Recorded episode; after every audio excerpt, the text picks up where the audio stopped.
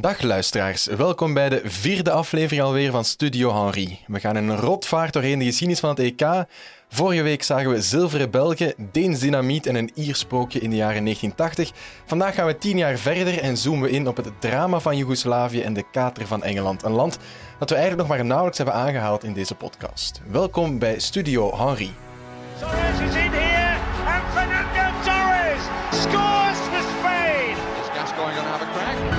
He is, you know. Oh, I say! Brilliant! Il y a du monde, il y a du monde, il y a Trezeguet Ah oui, oui L'équipe de France est championne d'Europe Panenka! Oh, it's genius! Panenka finds on it. And Czechoslovakia are European champions. King Krakje! King Krakje! Abalade! Staan in één! Oh, de goal! Wat een goal! Wat een schitterend doelpunt. Niet te geloven. Wat een viergaloos doelpunt. 2-0. Haha! Haha! Dagmoeder! Dagmoeder! Ik zei het daarnet al, Engeland hebben we eigenlijk nog maar nauwelijks aangehaald in eh, de voorbije afleveringen. Nochtans is het de bakermat van het voetbal en bracht het legendarische voetballers voort. In 1966 werd het zelfs in eigen huis wereldkampioen, maar op EK spelen de theedrinkers eigenlijk nauwelijks een rol van betekenis. Gert, als jij aan Engeland denkt, wat ziet je dan spontaan te binnen? de Engelse ploegen zijn voor mij toch meer de... altijd de ploegen waar dat er heel veel hoop op ligt, maar dat er nooit uitkomt op een of andere manier. Het lijkt nooit een groep samen te kunnen komen die effectief voor de prijzen kan meedoen. Het zijn altijd goede voetballers, denk ik, maar in de jaren 2000 met Steven Gerrard, Frank Lampard, ehm, David Beckham natuurlijk, Wayne Rooney, waren allemaal stuk voor stuk goede voetballers, maar eigenlijk hebben ze in de jaren 2000 nauwelijks iets gedaan. Ze waren er zelfs niet bij op het TK 2008. En dan denk ik daarbij ook spontaan aan eh, de, de echte tabloids in Engeland, waar dat er enorm veel druk ligt op die Engelse ploeg. Elk klein verhaaltje komt meteen uit. Inderdaad, maar er zijn ook heel veel verhalen altijd te plukken bij die Engelsen. Dat is ook wel opvallend. Bij die andere ploegen, oftewel zijn ze er niet, oftewel komen ze niet uit. Het lijkt me sterk dat die er absoluut niet zijn. Maar bij Engeland komen die altijd uit en dat is altijd een heel gedoe met die ploeg. Dat is toch meteen het eerste wat ik aan denk bij Engeland. Ja, ik heb ongeveer hetzelfde gevoel. Ik moest erover nadenken bij de voorbereiding van deze podcast. Wat zegt Engeland mij? En eerlijk gezegd, ik heb veel dingen moeten opzoeken om te weten te komen. Ah ja, juist. Engeland was er niet bij in 2008. Of ah ja, juist. Engeland ging er toen uit met penalties in 2012 en ging eruit tegen IJsland in 2016. Ik heb dat steeds moeten opzoeken, omdat die Engelse ploegen mij nooit echt zijn, zijn bijgebleven. Eh, WK 2018 uiteraard wel, toen ze de kleine finale tegen België speelden, maar voor de rest... En als je dan toch, als je dan pronostieken moet invullen met vrienden en je, bekijkt de Engelse ploeg elke keer opnieuw, denk je toch altijd van, ja, win er maar eens tegen. Hè. In principe is dat een goede ploeg met heel veel spelers uit de Premier League, maar het komt er nooit echt uit. Ja, we gaan het zelfs ook nog zien in, wanneer we het meer diepgaand gaan hebben over Engeland, dat het in de geschiedenis van TK ook altijd wel een van de favorieten zou zijn, of toch altijd was. Maar dat het dan toch uiteindelijk nooit lukt. En zou dat dan liggen aan de coach, aan de groep? Want het is, het is gewoon altijd, iedere keer is het hetzelfde verhaal voor die Engelsen. Het is iets wat jij daarnet ook al aanhaalde voor deze podcast, toen we met elkaar aan het, eh, aan het praten waren. De Engelsen, ze missen vaak spelers die het met één flits kunnen, kunnen, kunnen beslissen. Er zijn er wel geweest met Bobby Charlton. We gaan Gascoigne nu zien. Eh, David deze, Beckham kon dat natuurlijk ook wel. deze aflevering dus David eh, Paul Gascoigne, excuseer. Ehm, er zijn er wel, maar er zijn er te weinig. Terwijl de Belgische nationale ploeg nu hebben een aantal spelers die met een flits een wedstrijd kunnen beslissen. En dat ontbreekt er vaak bij de Engelsen. Ja, en bij, bij Fransen bijvoorbeeld ook, wereldkampioen 1998, had je daar ook uitstekende voetballers die ook met een flits ineens alles konden aanpassen. Bij Italië zaten er ook, die hebben al die prijzen gewonnen. En Duitsland kende ook wel een aantal steengoede voetballers. En dan bij Engeland kwam die groepsfeer er nooit in en, en daardoor altijd misgelopen. En het is extra zuur omdat zij altijd eh, verkondigen de home of football te zijn. En dat klopt ook wel. Maar ja, dan moet je ook prijzen pakken. Ja, Maar eerst even de boekhouding erbij halen, Gert. We zijn elke aflevering tot nu toe al begonnen met vijf feitjes uit de periode waar we over gaan praten. Vandaag zijn dat de jaren 1990. Dus vijf feitjes uit de jaren 1990. Het is het eh, einde van de apartheid in Zuid-Afrika in 1990. In eh, hetzelfde jaar begint ook de golfoorlog tussen Irak, Kuwait en de VS. België wordt een federaal land in 1993. De hyperpopulaire serie Friends wordt gelanceerd in 1994. Echt een aanrader. En twee jaar later komt eh, Pfizer op de markt met de Viagra-pil. En in het voetbal worden de begin van de jaren 90, het begin van de jaren 90 wordt in België gedomineerd door Anderlecht met vier titels, met uh, Nilis, Boffin, De Grijze, Versaveld, De, Win, de Wilde, noem maar op.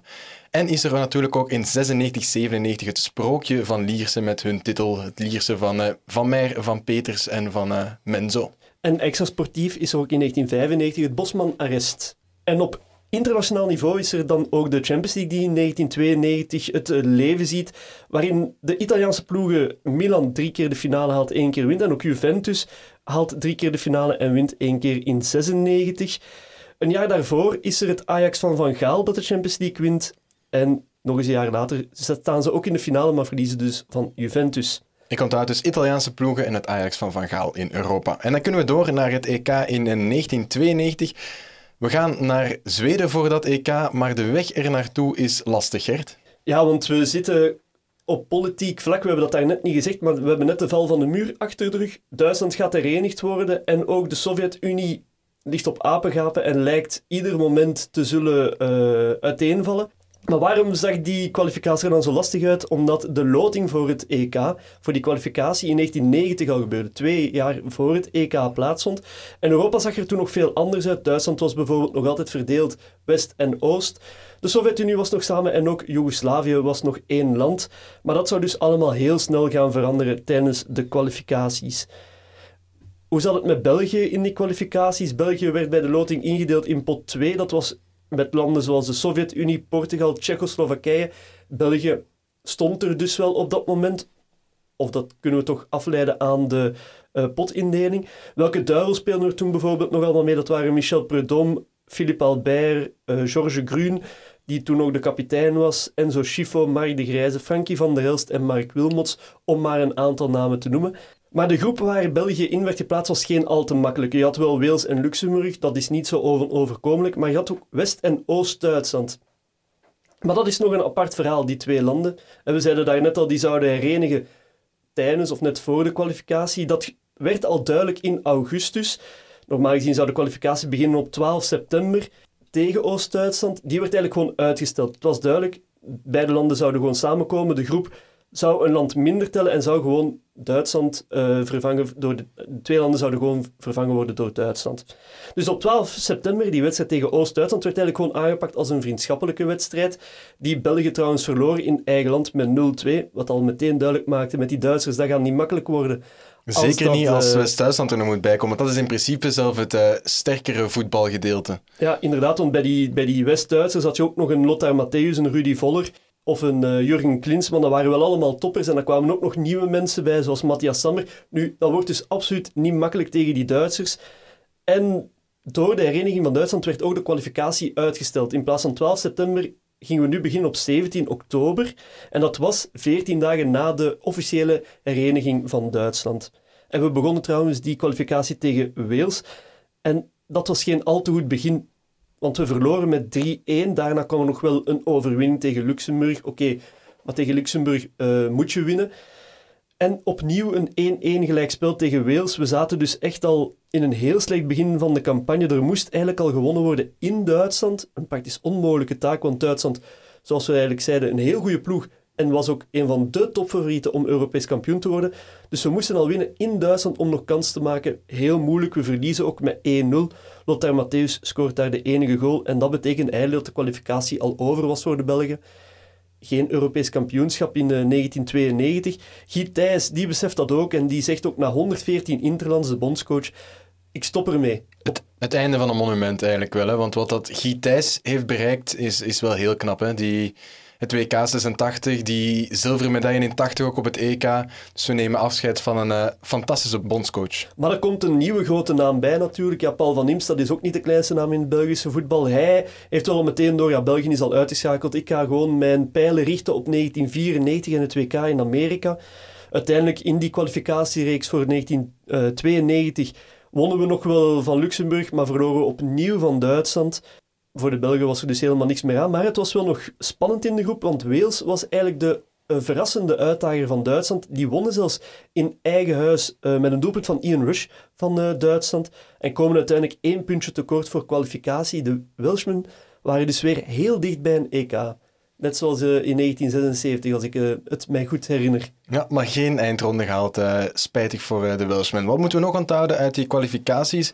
Er is in groep 4 een hevige strijd tussen Joegoslavië en Denemarken. Die zitten in de poelen met, het debuterende, met een debuterend land. Faroe-eilanden, die mogen voor de eerste keer meedoen. Een land met nauwelijks 50.000 inwoners, niet eens een voetbalveld, dus die moesten in Zweden gaan spelen. Maar die winnen verrassend wel hun eerste wedstrijd tegen Oostenrijk. Stel je voor, wat een droom voor eh, de mensen uit de Faroe-eilanden. Maar die droom wordt eh, snel doorprikt door de Denen. 4-1 wordt het voor eh, Denemarken. Daarna gaan die Denen nog 1-1 spelen tegen Noord-Ierland. 0-2 verliezen tegen Joegoslavië. Dus dat zijn niet meteen resultaten om over naar huis te En, schrijven. en die nederlaag tegen Joegoslavië is echt een cruciale, want het gaat in die groep tussen Denemarken en Joegoslavië. Dat is eh, toch een belangrijke. Ja, absoluut. Want daarna gaan de Denen wel winnen tegen Joegoslavië. 1-2 wordt het in Joegoslavië. En wordt het uitzonderlijk spannend. Het is een continu gepingpong tussen beide teams, wie dat er op de eerste plaats staat. Uiteindelijk is er één puntje verschil en gaat Joegoslavië naar het EK. Normaal gezien toch. Ja, voordat we effectief doorgaan naar wat er gebeurt in de maanden na de kwalificatie, misschien eens even snel hebben over, over het Joegoslavië, over het land en over het team. Dat, dat team was een, een mengelmoes, een, een echte mengelmoes van verschillende nationaliteiten. Je had daar Kroaten, Slovenen, Serviërs, Montenegrijnen, Macedoniërs. Enfin, alles zat daar bij elkaar. Die zaten dus allemaal in hetzelfde team. En het uithangbord van het land was Rode Ster Belgrado. was een beetje hetzelfde ingevuld als Joegoslavië. Je had daar ook echt alle nationaliteiten bij elkaar. En die wonnen in 1991 nog met echt totaal voetbal de Europa Cup 1 als eh, eerste Oost-Europese land dat daarin slaagde. Het was het team van technisch directeur Dragan Zajic. Die man die komt iedere aflevering volgens mij terug eh, in, in onze verhalen. Die koos al die spelers bij elkaar. Dat waren ook bijna allemaal Joegoslaven, behalve Miodrag Belodedici. Niet een al te makkelijke naam. Dat was een Roemeen. Dat was eigenlijk de enige echte buitenlander in het, eh, in het geweldige team van de Rode Ster Belgrado. En het was een, een godsgeschenk voor de bondscoach van Joegoslavië, die Ivica Osim. Die kon eigenlijk gewoon putten uit een team dat op dat moment het beste team van Europa was. En heel Europa ook verrast had op, dat op die Europa Cup 1. Welke grote spelers speelden er op dat moment bijvoorbeeld bij Joegoslavië? De iets oudere mensen onder ons, die gaan eh, waarschijnlijk wel Sonimir Boban kennen, een Sinisa Mihailovic. Die kennen de jongeren onder ons ook als eh, coach. Ook een Darko Panchev, die was nog eh, topschutter van Rode Ster Belgrado in 1991 en kreeg ook nog de Europese topschuttersprijs. Je had ook een Robert Prosinecki, die later naar Real Madrid ging. Dejan Savicevic, die ging naar AC Milan. En Davor Suker. waren allemaal grote namen, geweldige spelers. En ze waren eigenlijk een van de grote favorieten om naar het EK te gaan. Maar dan loopt het in Joegoslavië mis. Vanaf de zomer van 1991, Kroatië en Slovenië verklaarden onafhankelijkheid. Servië is daar niet mee akkoord en valt die landen binnen. Ondertussen wordt ook Bosnië-Herzegovina onafhankelijk. Dat gebeurt in februari 1992. Het land is in complete oorlog en dat heeft ook gevolgen voor de nationale ploeg.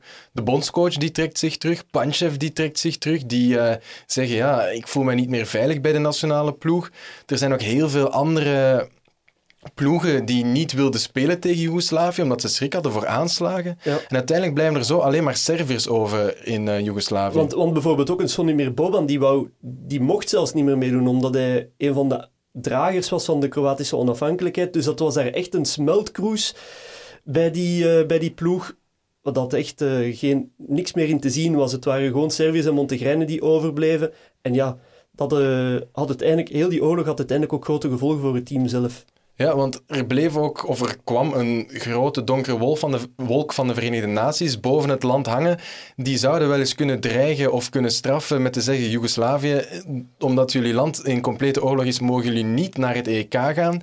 De Joegoslaven die voelden de buil hangen. Die trokken al heel vroeg naar, eh, naar Zweden. Ze dachten: ja, als we al in Zweden zitten, wie gaat ons dan nog weghalen? En ja, dan moet je de VN niet uitdagen, want de VN beslist tien dagen voor het begin van het EK in samenspraak met de UEFA dat Joegoslavië niet mag deelnemen aan eh, die Europese kampioenschappen. En dus moet de UEFA nog op zoek naar een ander land dat de plaats van Joegoslavië zal innemen. Maar wat een drama voor de Joegoslaven. Ja, die zitten daar in een hotel als een van de topfavorieten met de beste spelers van de wereld. En die, moeten, die mogen dan zelfs niet eens meedoen. Dat heeft nog voor heel wat debat gezorgd in het land zelf. En ook later wordt er nog altijd teruggekeken naar die generatie van 1992, dat misschien wel de eerste grote prijs voor Joegoslavië had kunnen binnenhalen voor het land. Ja, en dat terwijl dat ze in dat hotel zitten, thuis, hun familieleden en vrienden zijn gewoon ook niet veilig op dat moment, omdat er in oorlog is. Het is een vreselijk verhaal. Maar we moeten terug naar het voetbal. UEFA moet een land zoeken dat uh, Joegoslavië gaat uh, vervangen. En heel logisch komen ze uit bij de tweede in die poelen met Joegoslavië, de Denen. Ja, en die Denen, daar wordt dan wel van gezegd, ze werden van het strand geplukt. Dat klopt niet helemaal. De Denen die waren wel bijna klaar voor vakantie, dat is het zeker wel. Maar ze gingen nog wel een paar oefeninterlanden, oefeninterlanden afspelen. Een beetje zoals dat nu ook gebeurt. Hè. Als je in de aanloop naar een EK of een WK speel je ook oefeninterlands tegen landen die niet eens op het WK of het EK raken. Dat is niet uitzonderlijk. En de Denen hadden volgens mij ook wel een beetje het gevoel van ja, het kan wel eens mislopen en dan zijn wij misschien wel de ideale kandidaat om eh, naar Zweden te mogen afreizen. Ja, die voelden die bui natuurlijk ook hangen, dus die dachten misschien toch nog een klein beetje in vorm blijven en dan kunnen we nog wel zien wat er gebeurt op dat, eh, op dat EK. Nu, de Deense ploeg op dat moment, ze mochten dus naar het EK gaan, maar echt hoge verwachtingen hadden, we, hadden ze zeker niet. In 1984 waren ze nog wel echt een groot, een groot voetballand, om het toch zo te zeggen. Ze waren heel fris voetbal, hè, bekend van het Danish Dynamite. Maar dat was in 1992 niet meer het geval. Er was een nieuwe bondscoach, Richard Muller-Nielsen, en die zette echt... Die maakte een verdedigende machine van Denemarken. En dat zorgde er bijvoorbeeld voor dat de, dat de enige twee echte smaakmakers van de ploeg, uh, Brian en Michael Laudrup, wel bekend, dat die uh, tijdens de kwalificatie niet meer wilden meedoen met, de, met, het, met het team van uh, Nielsen. En die zeiden, ja, kwalificaties laat het maar aan mij uh, voorbij gaan, daar doe ik niet uh, aan mee. Nee, ze hebben maar drie wedstrijden van die kwalificaties gespeeld en de rest hebben ze gezegd, ja, in zo'n verdedigend blok willen wij niet uh, voetballen. Maar ze komen wel nog terug voor het EK. Enfin, Brian Laudrup komt terug voor het EK. Die wil wel nog het Europees kampioenschap spelen. Michael die had zijn vakantie al geboekt en die zei, ja, ik kan mijn vakantie niet afzeggen. Wat gaan wij trouwens doen in Zweden? We gaan daar toch niet, niet winnen, dus ik kom niet af voor de nationale ploeg. Nu we zeiden, Brian en Michael Laudrup zijn de enige echte smaakmakers, dat is ook niet helemaal waar. Je had daar ook nog een uh, geweldige keeper, natuurlijk met Peter Schmeichel van Manchester United. En ook een, uh, de middenvelder uh, John Jensen, die sterk op weg leek te zijn naar Arsenal. Ja, en nog in die uh, nationale Deense ploeg waren tien spelers die ofwel op dat moment bij Brøndby speelden, ofwel hadden gespeeld bij Brøndby. Dat is de, de grootste club in Denemarken op dat moment. Die haalden zelf de halve finale van de UEFA Cup in 1991, wat heel straf is voor een Deense ploeg. Want herinner je uit de vorige aflevering, er is nog maar Deens professioneel voetbal sinds 1978, sinds dat contract met uh, Carlsberg. Maar dan gaan we eens kijken hoe, dat het, uh, hoe dat die eindronde dan precies verloopt in 1992 in Zweden. Hoe dat die Denen het er vanaf gaan brengen zonder enige voorbereiding of enig echt groot vertrouwen.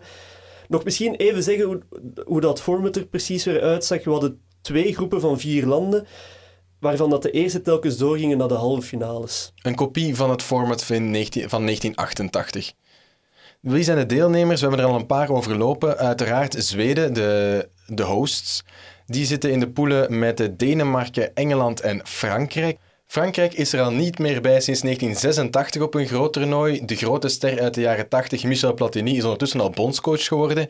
En die walst met Frankrijk door de kwalificatie onder leiding van Jean-Pierre Papin en Eric Cantona. Dat zijn de twee grote vedettes bij Frankrijk op dat moment. Zij halen het maximum van, uh, van het punten op weg naar het EK in die kwalificatie. En dat is de allereerste keer ooit dat dat lukt in de EK-kwalificaties. Een land dat het maximum van de punten haalt.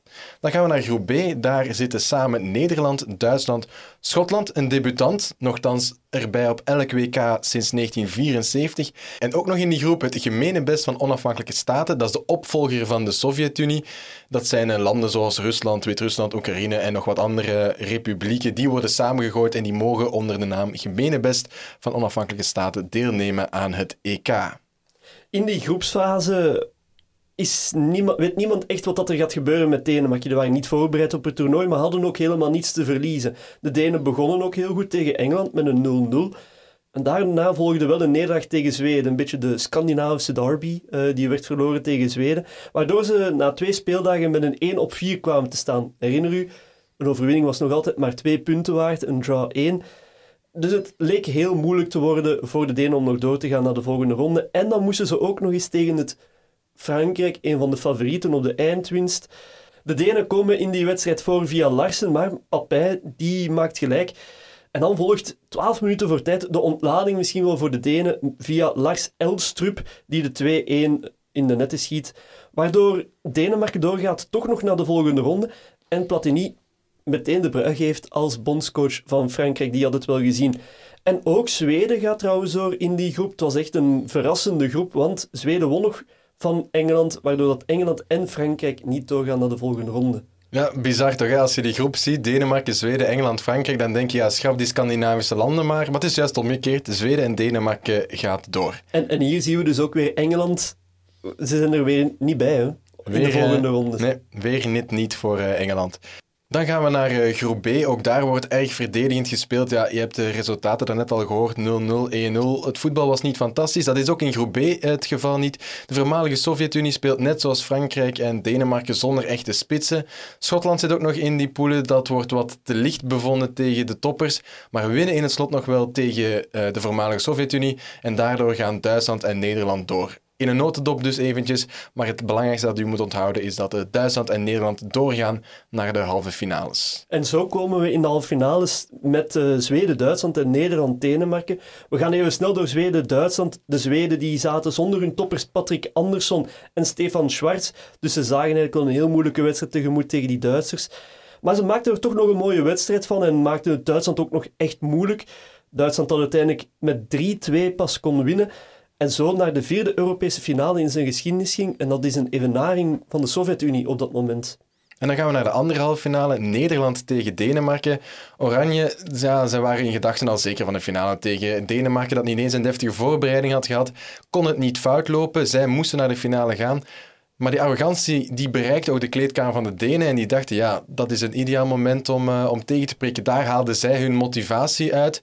Nederland startte heel erg offensief, hadden duidelijk niet echt gekeken naar de wedstrijden van Denemarken.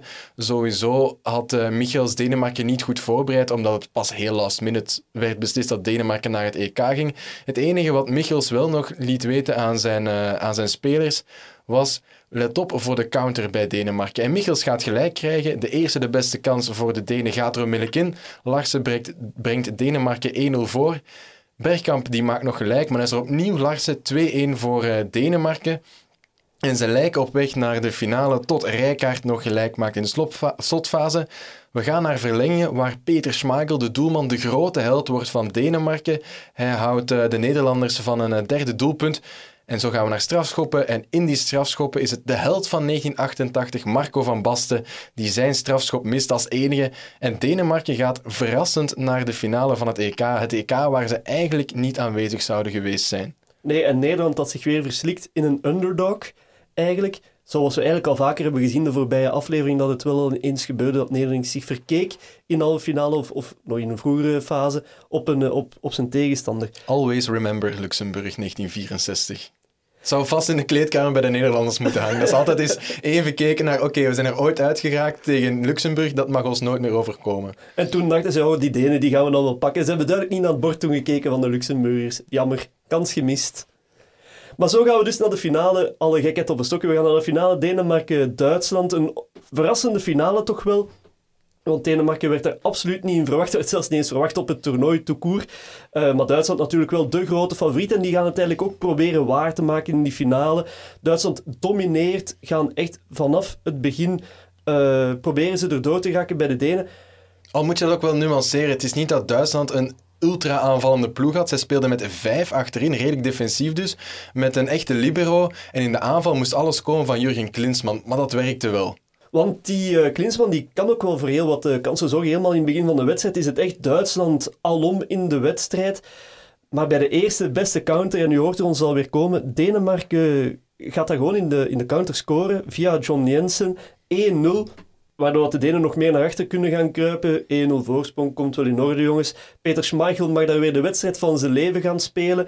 Die het heel de wedstrijd op 1-0 houdt, tot helemaal in het slot dat uh, Kim Vilfort nog voor de 2-0 zorgt. En de euforie bij de Denen is, is immens groot, want ze winnen voor de eerste keer een groot toernooi in hun geschiedenis. Die en... Vilfort, die achteraf ook nog zei van uh, we hadden niet de beste spelers, maar we hadden wel echt de beste ploeg. Onze ploeg hing het beste aan elkaar en dat zag je niet bij de andere ploegen bijvoorbeeld. En er waren ook geen verwachtingen voor die Denen. Hè. Ze hadden niks te verliezen, want ze gingen normaal gezien niet eens op, een, eh, op het EK aanwezig zijn. En dat zorgde natuurlijk voor een soort voetbal zonder stress en uiteindelijk uh, tot in de finale geraakt en die finale zelf gewonnen. Ja, laten we het misschien echt wel het grootste sprookje noemen van, van een grote toernooien toekoer. Een land dat eigenlijk niet eens mag meedoen en het toch nog wint. Gekker wordt het echt niet. Nee, nee, nee, klopt. Alleen voor één speler binnen, de Deen, binnen Denemarken viel het allemaal wel een beetje op een vreemd moment. Die Kim Vilfort, de held van Denemarken bij de 2-0, die kampte met een persoonlijk drama. Ja, die had een dochtertje dat uh, leed aan leukemie. En die aan haar laatste strijd bezig was. Dus Vilfort was echt aan het twijfelen, moet ik wel meegaan naar dat EK? Hij is overtuigd geweest door zijn familie, die zeiden van ja, ga toch maar. Maar had wel met de bond en met de bondscoach afgesproken, als ik wil, mag ik op elk moment naar huis gaan. Het makkelijk was ook, het, EK was in Zweden. Zweden-Denemarken, dat valt nog mee qua afstand. En Vilfort maakte ook daar gebruik van. Hij miste uh, bijvoorbeeld de derde match tegen Frankrijk. Toen ging hij naar huis om uh, zijn dochtertje te gaan bezoeken. Had toen misschien ook wel niet verwacht dat de Denen gingen stunden tegen Frankrijk en dat de Denen nog in het toernooi zouden zitten. Dat gebeurt wel. Uh, is op tijd terug voor de halve finale. Gaat zelf mede strafschoppen trappen in die halve finale. Gaat dan tussen de halve finale en finale nog eens op bezoek bij zijn dochtertje. Haalt daar nieuwe energie uit, moet ik dan denken, want hij is de held van de finale. Hij maakt die 2-0. En uh, Denemarken wint dat EK. Heel spijtig daarna voor uh, Kim Vilfort, maar enkele weken later sterft zijn dochtertje. Maar ik denk dat hij toch een lach nog op haar gezicht heeft kunnen toveren met die trofee met die Europese titel. Ik denk dat dat wel een, uh, een mooi geschenk is geweest nog van Kim Vilfort voor zijn uh, dochtertje. We gaan weer vier jaar verder naar het volgende EK in 1996 met een hoofdrol voor Engeland, want voetbal is coming home. Engeland wil 30 jaar na de wereldtitel ook weer in eigen land in 1966 eindelijk nog eens een grote prijs pakken. En die grote prijs dat mag je eigenlijk wel letterlijk nemen, want het EK wordt steeds groter. Letterlijk en figuurlijk, figuurlijk, want het wordt steeds prestigieuzer, maar ook letterlijk, want 16 landen gaan er mogen meedoen aan de eindronde. Die uitbreiding die gebeurt om meerdere redenen. Het is gewoon veel, commercieel veel interessanter, omdat de vorige edities echt aangenaam waren. Nu hadden we wel net 1992 dat niet meteen een hoogvlieger was. Maar de UEFA merkt wel steeds meer belang voor dat EK. En er komen ook veel meer onafhankelijke landen na het uiteenvallen van Joegoslavië en van de Sovjet-Unie. We gaan van 33 naar 49 aangestoten landen bij de UEFA. En er komt bijvoorbeeld ook nog een Israël bij dat zich definitief aansluit bij de Europese Voetbalbond. Bij de kwalificatie doen er uiteindelijk 47 landen mee. Er is geen gastland Engeland. En ook Joegoslavië mag niet meedoen, die zijn nog steeds uitgesloten. In Joegoslavië bereiken we ondertussen ook stilaan het einde van de zeer bloederige oorlog. En er gebeuren een aantal veranderingen ook in de kwalificatie. Er zijn vanaf nu acht groepen uh, van zes deelnemers. Oh, dat zijn er toch zeven van zes en één van vijf. De groepswinnaars en de zes beste nummers twee, die gaan door waardoor we in totaal aan 14 deelnemers zal komen. Nummer 15 is Engeland, het gastland. En dan hebben we nog één land nodig. Dat laatste land dat gaat tussen, dat wordt uitgevochten in de barrages tussen de twee zwakste nummers 2. Wat eigenlijk betekent dat enkel de allerzwakste nummer 2 niet mag meedoen aan het EK. We hebben acht nummer 1's en zeven nummer 2's. En dan nog het gastland en dan komen we aan 16. Zo is het, hè. Inderdaad. En dus er zijn heel wat landen. Nu, België voelt daar natuurlijk ook wel aan. Er is eigenlijk nog eens kans sinds 1984, ondertussen ook alweer 12 jaar geleden, dat we mogen meedoen aan een EK. Ze zien het echt helemaal zitten. Maar dan worden ze in een groep gelood met Spanje. Ja, Spanje is gewoon altijd een degelijk land. Niet zo makkelijk om even aan de kant te zetten. En Denemarken, ook nog eens de Europese kampioen. Daar zitten ook nog Macedonië, Cyprus en Armenië bij.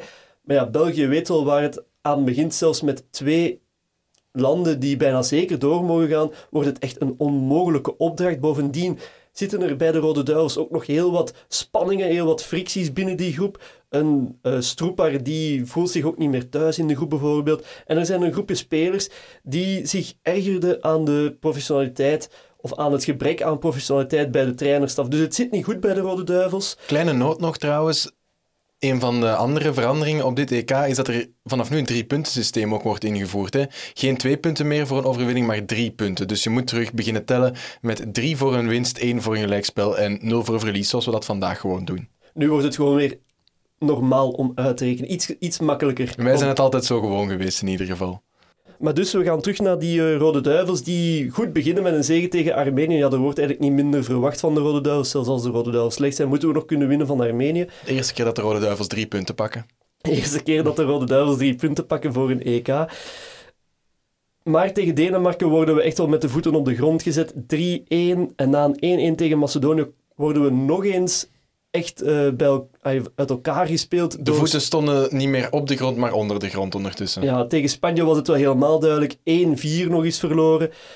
Voor Frankie van der Elst en Predom is het wel duidelijk. Zij stoppen met de Rode Duivels. Nu voor Frankie van der Elst weten we dat hij later nog terugkomt. Uiteindelijk wordt er ook nog verloren van Denemarken met 1-3 en is het echt wel over en out. Eh, België doet niet mee aan het EK 1996 en dat nogthans wanneer er 16 landen mogen meedoen. Toch jammer voor de Rode Duivels, om, eh, om het zo te zeggen. Dan laten we voor de rest de kwalificaties voor wat ze zijn. Het is te veel om anders eh, op te noemen. We gaan meteen naar het eindtoernooi. 16 landen nemen deel. Er worden vier groepen van vier gemaakt, waarbij de beste twee doorgaan naar de kwartfinales. We hebben dus voor de allereerste keer kwartfinales op de eindronde van een EK. En we hebben bij die 16 landen maar liefst zes debutanten. We hebben Bulgarije als debutant, we hebben Zwitserland als debutant, Turkije als eh, debutant. En dan wat debutanten die eigenlijk al hebben gespeeld, maar onder andere namen. Tsjechië is er voor de eerste keer bij als onafhankelijk land. Kroatië, dat zich afges- afgescheurd heeft van Joegoslavië, is er voor de eerste keer bij als onafhankelijk land. En Rusland is er ook de eerste keer bij als eh, niet deel van de Sovjet-Unie. Zes debutanten dus. Wat ook opvallend is bij de ploegen die aanwezig zijn, alle ex-Europese kampioenen zijn aanwezig. Iedereen die al een EK heeft gewonnen is aanwezig. Dat is soms een beetje anders. Het is niet West-Duitsland, maar Duitsland is niet Tsjechoslowakije, maar Tsjechië. Maar in ieder geval, alle winnaars zijn aanwezig. Voor de rest ga ik u nog niet lastigvallen met eh, alle groepen te overlopen. We gaan, ons beginnen, we gaan beginnen met ons te focussen op Engeland. Ja, en Engeland, zoals we al helemaal in de inleiding zeiden, Engeland eh, pakt niks klaar op eh, grote toernooi. Dat is ook heel duidelijk op EK's. We gaan er eens even snel door. EK 1968 was, België er was Engeland excuses, er voor de allereerste keer bij. En dus ook een grote ster, Bobby Charlton, konden wel eens eh, mooie dingen gaan doen op dat EK. Maar ze gingen er al uit in de halve finale tegen Joegoslavië. Joegoslavië van Dragan Zajic, moeten we hem weer noemen. Eh, die de 1-0 scoort vier minuten voor tijd. Nu, Engeland was op dat moment ook niet op zijn best, want die ster Bobby Charlton die was ziek uitgevallen net voor de wedstrijd. Eh, maar Engeland kan er toch nog wel voor zorgen om een derde plek binnen te halen. Want eh, in de troostfinale winnen ze van de Sovjet-Unie met een betere Charlton die dan gerecupereerd wordt en uiteindelijk nog kan scoren en de 2-0 eh, zo binnenhaalt. Maar dan is het voor de Engelsen 12 jaar wachten vooraleer ze nog eens kunnen juichen op een EK voor de Engelsen. Dat is pas opnieuw in het, op het EK 1980. Het EK 1980 in Italië, waar de Belgen dus nog zilver halen. Waar de Belgen ook in de groep zitten met Engeland. En ja, dan weten we hoe dat het eh, daar afloopt. Italië en België gaan door in de groep. Engeland ligt eruit in de groepsronde. Hetzelfde verhaal gebeurt eigenlijk acht jaar later. Acht jaar later in West-Duitsland zitten ze in een groep met Ierland, Nederland en de Sovjet-Unie. Nu een Engeland op niveau met wel veel toppers op dat moment ook al, moet daar altijd doorgeraken. Ze kwamen met enorm veel hoop ook naar dat eindtoernooi. Ze wilden zelfs Europees kampioen worden. Er was al een liedje gemaakt, Going All The Way. Het zegt, Engeland was enorm zelfverzekerd. Een omdat- absolute aanrader trouwens om eens op te zoeken op YouTube, eh, Going All The Way. Een fantastische videoclip. Maar ga verder, Gert. Ja, Engeland was dus echt enorm zelfverzekerd. Zij worden Europees kampioen. Ze hadden ook de kwartfinales in 1986 bereikt, waarin ze nog onfortuinlijk eruit gingen met de hand van God van Diego Maradona. En ze hadden ook nog eens uitstekende kwalificaties gespeeld voor dat EK 1988, waarin ze voor Joegoslavië, Joegoslavië eindigden. Ze verloren zelfs niet op zes wedstrijden en hadden een doelsaldo van 19 gemaakte doelpunten tegen 1 in, in de eigen netten. Wat echt een zeer puike prestaties van de Engelsen. Ze hadden ook enkel grote namen, Gary Lineker bijvoorbeeld, die kennen we natuurlijk allemaal. Ook een Brian Robson, die toen bij Manchester United speelde. Dat was echt het koningsduo van Engeland op dat moment. Hadden voor de nationale ploeg voor het EK 1988 al 47 keer gescoord uh, tezamen. Dat was meer dan de rest van de ploeg tezamen. Het geeft ook wel aan, ze waren heel gericht op die twee spelers. En zoals we ook vorige aflevering hebben gezien, Engeland gaat weer roemloos te onder op dat EK. Ze verliezen drie keer. eh, zowel van Ierland, Nederland als de Sovjet-Unie. En dat is echt een enorme, een enorme schok geweest in Engeland, dat, we, dat ze uit die groep, dat ze daar niet eens konden doorgaan naar de volgende ronde. Ja, het nationaal team was ineens niets meer waard in de, in de tabloids. Het Engelse publiek moest er niets meer van hebben. En nog steeds wordt het EK 1988 als de grootste flop gezien in, het, in de geschiedenis van het Engelse team. Dus het moet daar effectief wel een enorme impact hebben gehad. En ook in 1992 loopt het uh, mis, dat hebben we zo net nog gezien. Daar gaan ze eruit in de groep met uh, Zweden, Denemarken en Frankrijk. Samen met Frankrijk gaan ze daaruit. Dat was sowieso een uh, hele vreemde poelen. Lineker zit op dat, op, op, dat moment op het einde van zijn carrière, maar het is wel een goed team, hè, want Lineker is er wel nog steeds, Shearer is er, Plet is er, is scorend vermogen genoeg. Er is een blessureplaag bij de Engelsen. Paul Gascoigne valt uit. Er zijn ook drie anderen die uitvallen. Er zijn wel wat verzachtende omstandigheden. Maar het lukt op gewoon opnieuw weer niet hè, voor, uh, voor de Engelsen. En dus zijn alle pijlen gericht op uh, het EK van 1996. Dat moest het EK van Engeland worden in eigen land. Er waren geen blessures. Ze wisten, we mogen deze keer geen andere landen onderschatten. We gaan mooi voetbal brengen. Het moet, dit, deze keer moet het echt voor ons worden. Maar voor het EK al goed en wel begonnen was, was er al enorme kritiek vanuit de media. Ze hadden het echt gemunt op de nationale ploeg, zoals we eigenlijk de nationale ploeg van Engeland kennen. Altijd in dat conflict met die, met die tabloids. Uh, er was het, de oefentournee die ze hadden gedaan in Hongkong. Daar werd Teddy Sheringham betrapt op een, uh, ja, een mooi feestje, zou, zouden het zo kunnen noemen. Teddy Sheringham werd gefotografeerd in een tandartsstoel. Waarom dat we dat zeggen, wordt later nog wel duidelijk. Uh, omringd door schaars geklede vrouwen en heel veel alcohol. Een stevig feestje van de Britten. Nu, heel die oorlog met de media, die werd wat opgeklopt natuurlijk ook in de media door de spelers zelf. En ja, de spelers die hadden wel voor zichzelf uitgewacht, we gaan die media eens laten zien wat we eigenlijk waard zijn.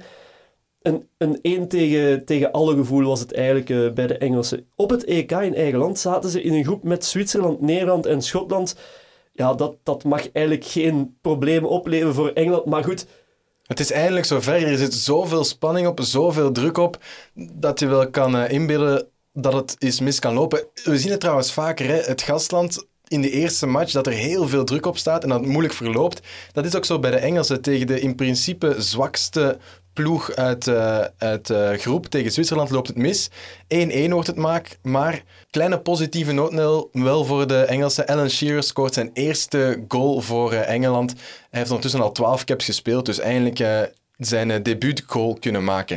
Het was toen al trouwens ook de zevende opeenvolgende wedstrijd zonder zegen voor de Engelsen op de eindronde van een EK. Dus ze konden het EK moeilijk slechter beginnen. Maar alles gaat beter in de tweede wedstrijd tegen Schotland, een uh, derby tot en met. En daar geven ze echt wel een uh, visitekaartje af. Het is een hele goede match van de Engelsen. En ook daar ga ik nog een, klein stijsprongetje maken. Op het moment dat Engeland 1-0 voor staat, krijgt Schotland een penalty.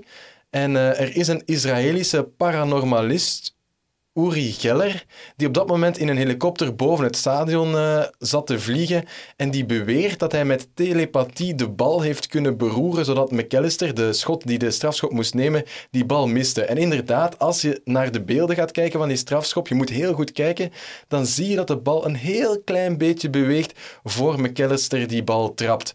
Dat heeft uiteraard niets te maken met uh, Uri Geller, denk ik. Er zal wel gewoon een windje hebben gestaan in het stadion. Ja, of de strafschopstip lag niet helemaal vlak, waardoor die bal een beetje nog aan het rollen was. Maar goed, leuk. We zullen de man maar in zijn waan laten. Ja, inderdaad. Leuk verhaaltje. Het wordt uiteindelijk wel 2-0, want uh, Paul Gascoigne die beslist de wedstrijd met een sublieme solo. En uh, bij zijn doelpunt bood zij samen met Sheringham die tandartsstoel na als viering. U weet wel, de tandartsstoel van in de tournee in Hongkong om de media nog maar eens van een antwoord te dienen. Van kijk, we gaan het hier gewoon doen op de DK. En dan lijkt de trein vertrokken voor eh, de Engelsen. Daarna is ook nog een demonstratie tegen Nederland. Na die 2-0 tegen Schotland komt uh, Nederland op hun weg.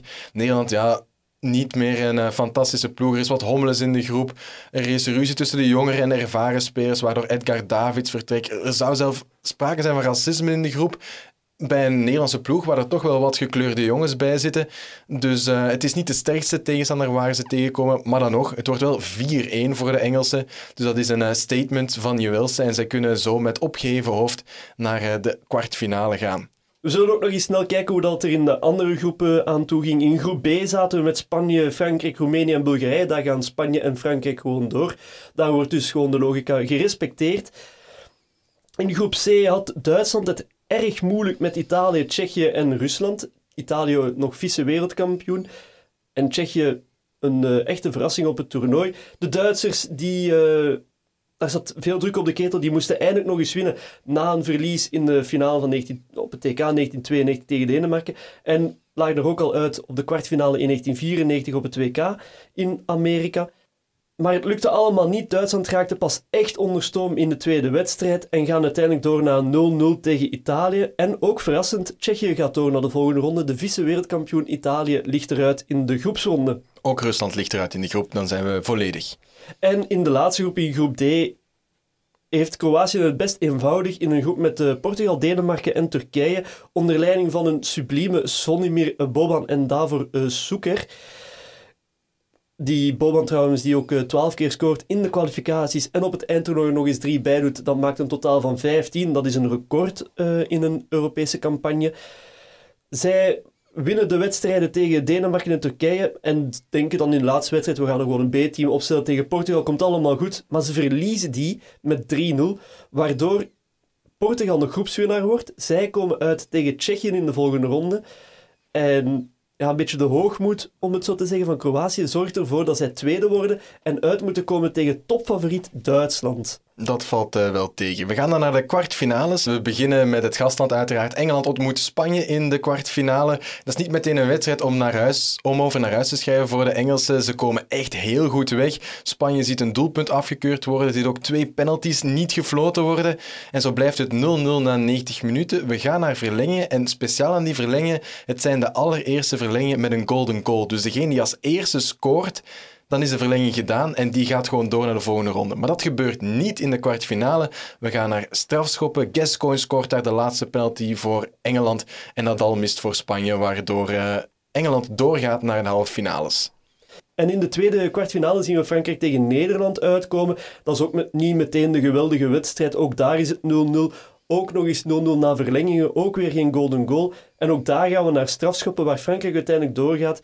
En Nederland al voor de derde keer op een groot toernooi wordt uitgeschakeld door penalties. Ja, het imago van de slechte penaltynemer van de Nederlanders wordt daar ondertussen wel steeds meer bevestigd. Twee matige 0-0's dus en uh, penalties. Dan is Duitsland-Kroatië een veel betere wedstrijd. Heel veel aanvallend voetbal op Old Trafford. Maar niet alleen aanvallend voetbal, ook stevig spel, harde tackles. Uh, het wordt soms heel agressief uh, gespeeld. Kroatië gaat achteraf nog wat uh, klagen bij de scheidsrechter dat hij veel fouten niet zag. Maar het, mag niet, het mag niet lonen voor de Kroaten. Ze gaan eruit, ze verliezen met 2-1 tegen Duitsland. En dan de laatste kwart, kwartfinale tussen Portugal en Tsjechië, die eindigt op 1-0 voor Tsjechië. Tsjechië gaat gewoon door op zijn elan van in de groepsfase. De goal is trouwens een heerlijke lop van hun uh, topspits van Karel Proborski. Het is misschien wel de mooiste goal die we dit EK gaan zien en de Tsjechen schakelen Portugal uit. We gaan dus naar de halve finales met de volgende vier ploegen: Tsjechië, Frankrijk, Engeland en Duitsland. En beginnen doen we misschien met de halve finale tussen Tsjechië en Frankrijk. En die halve finale tussen Tsjechië en Frankrijk is eigenlijk eentje toch bij Frankrijk in, naar het beeld van het hele EK. Op, het is opnieuw een non-match van de Fransen tegen toch wel verdedigende Tsjechen. Het is op, opnieuw 0-0. Gaan naar verlengingen, maar je moet niet verwachten dat er in verlengingen een golden goal wordt gescoord op dat EK. Nee, Frankrijk blijft na 120 minuten en zelfs al na 240 minuten, met de vorige wedstrijd ook al bij, zonder goal. We gaan naar strafschoppen en Tsjechië wint die, waardoor dat Tsjechië verrassend naar de finale gaat van het EK in 1996. Twintig jaar na hun winst, toen nog Tsjechoslowakije. En dan gaan we naar Engeland-Duitsland, de anderhalve finale. En dat is eigenlijk de wedstrijd van het EK, toch, die dat iedereen zich zou moeten herinneren als je naar het EK hebt gekeken. Ja, absoluut. Het is een echte kraker in het Europese voetbal. Engeland tegen Duitsland. Het is de rematch van de WK-finale in 1966 trouwens. Toen ook in Engeland. Toen won Engeland. Dus uh, Duitsland wil misschien wel uh, revanche. Het is het hoogtepunt van het toernooi, die Engeland-Duitsland. De Duitsers zijn wel niet meteen overtuigend tot nu toe geweest op het EK. Ze hebben erg verdedigend gespeeld. Ze hebben alles gemikt op Jurgen Klinsmann. Een beetje zoals in 1992. Alleen hebben de Duitsers deze keer wat meer pech, want Klinsman is geblesseerd en dus moet Kunz het helemaal alleen gaan doen in de spits. De match begint fantastisch. Er is na twee minuten al een hele goede kans voor de Engelsen. Die wordt in hoekschop geduwd en op die hoekschop scoren de Engelsen. Het is een uh, hoekschop van Gascoigne die Shearer kan binnenscoren, Alan Shearer, en 1-0 voor de Engelsen. Na een kwartier komen de Duitsers wel terug via Koens, die het dus blijkbaar toch alleen kan in de spits. 1-1. En uh, dan nemen de Engelsen echt nog wel uh, de wedstrijd in handen, maar scoren zal niet meer lukken. Het is vooral Gascoigne die het spel naar zich toe trekt, die fenomenaal is. Die speelt al het hele toernooi geweldig. Maar het zal blijven bij 1-1 en dus gaan we naar verlengingen, naar een golden goal situatie, misschien wel. En die komt er ijzo na. De Engelsen trappen tegen de paal en vlak voor tijd is er nog een hele goede voor, voorzet van Alan Shearer en Gascoigne die komt een paar millimeter te kort om uh, doelpunt te maken. Het is echt, hij gaat met zijn voet er naartoe en zijn, zijn stuts zijn eigenlijk net te kort. Want als zijn stuts een halve centimeter langer waren geweest, dan had die bal binnen geweest en had Engeland sowieso naar de finale gegaan, want het was een uh, golden goal geweest.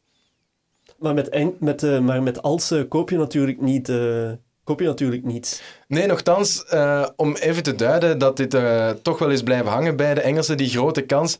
Er worden daarna heel veel wat-als verhalen gemaakt. Wat als Gascoigne die bal toch had binnenge, uh, binnengetrapt, dan was Engeland Europees kampioen geweest. Was Gascoigne naar Man United geweest, was hij de grote ster geweest, Champions League gewonnen enzovoort en zo verder.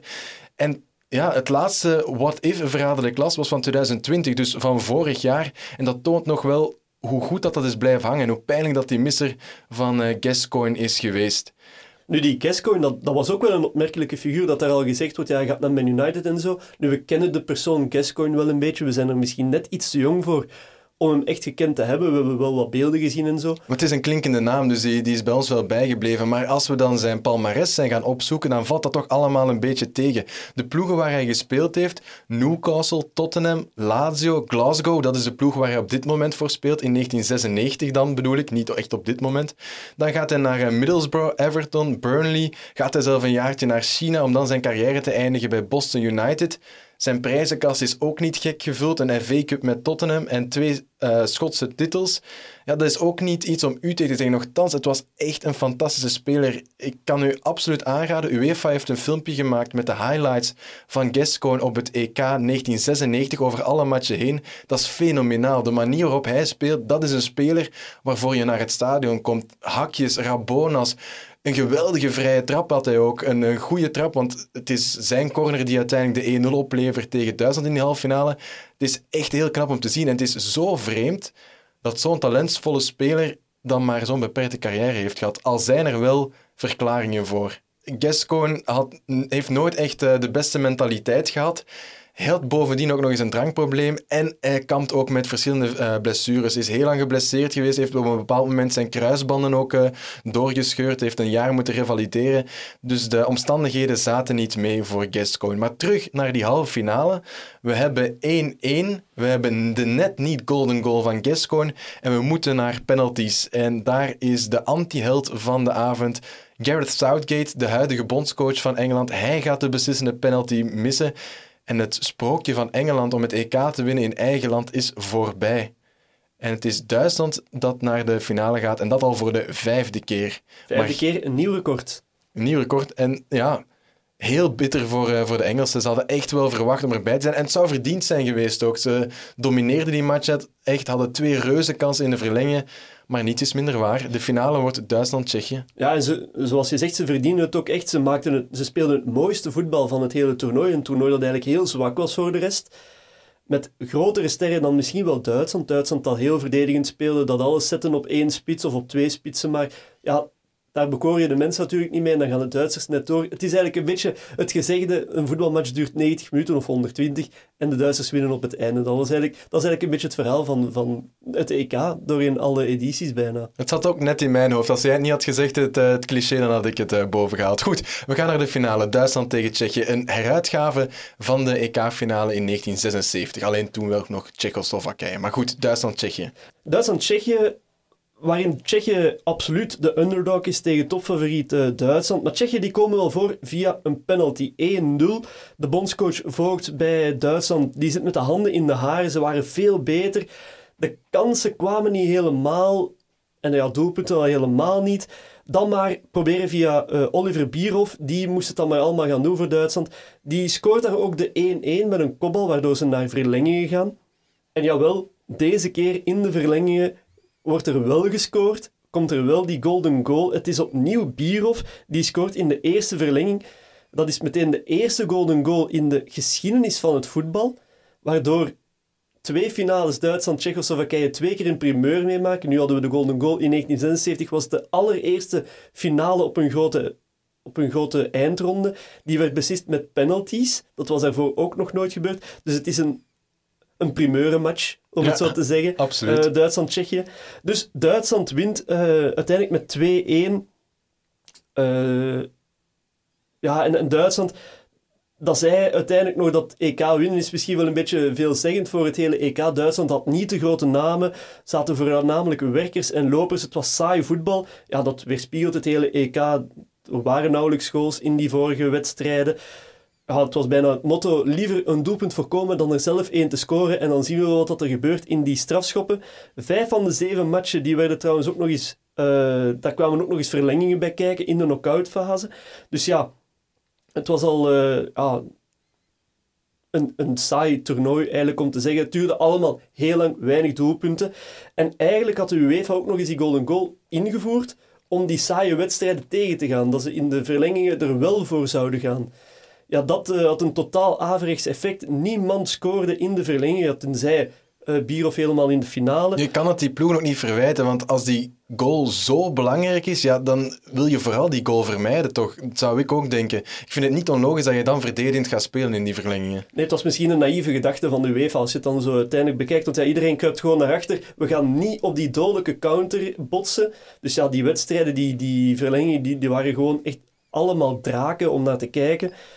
Maar goed, Duitsland eh, is opnieuw de eindwinnaar van het eh, Europees kampioenschap. Dat al voor de derde keer in de geschiedenis. Derde keer op tien eh, edities, waarvan dat ze de eerste twee edities zelfs niet eens meededen. 3 op 8, dat is een heel knappe prestatie. En dan kunnen we deze aflevering beëindigen. De jaren 90 zitten erop voor deze keer. We hebben in 1992 het sprookje van Denemarken gezien. En vier jaar later was er het drama voor Engeland. Wat doen we volgende week, Gert? Volgende week hebben we opnieuw nog eens oog voor de Rode Duivels op een eindtoernooi. Dat hebben we deze keer niet kunnen bespreken, volgende week wel. Met Euro 2000, dat doorgaat in België en Nederland. We gaan onder meer hebben over hoe het EK hier eigenlijk is beland. Natuurlijk moeten we het in 2004 ook hebben over Griekenland, daar kunnen we echt niet omheen. En in 2008 zijn er een aantal verrassingen in het toernooi. We hebben Turkije en Rusland, waar dat we ook eh, dieper op zullen ingaan. Dat is voor volgende week. Like, comment en share. Laat een review achter voor onze podcast. En dan zien wij jullie graag terug volgende week. Tot dan.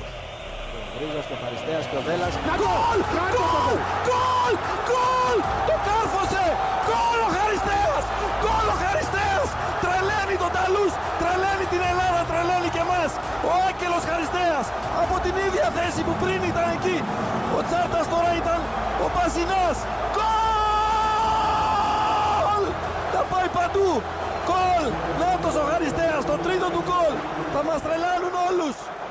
Ο Κακάτσης να μην το πιστεύει.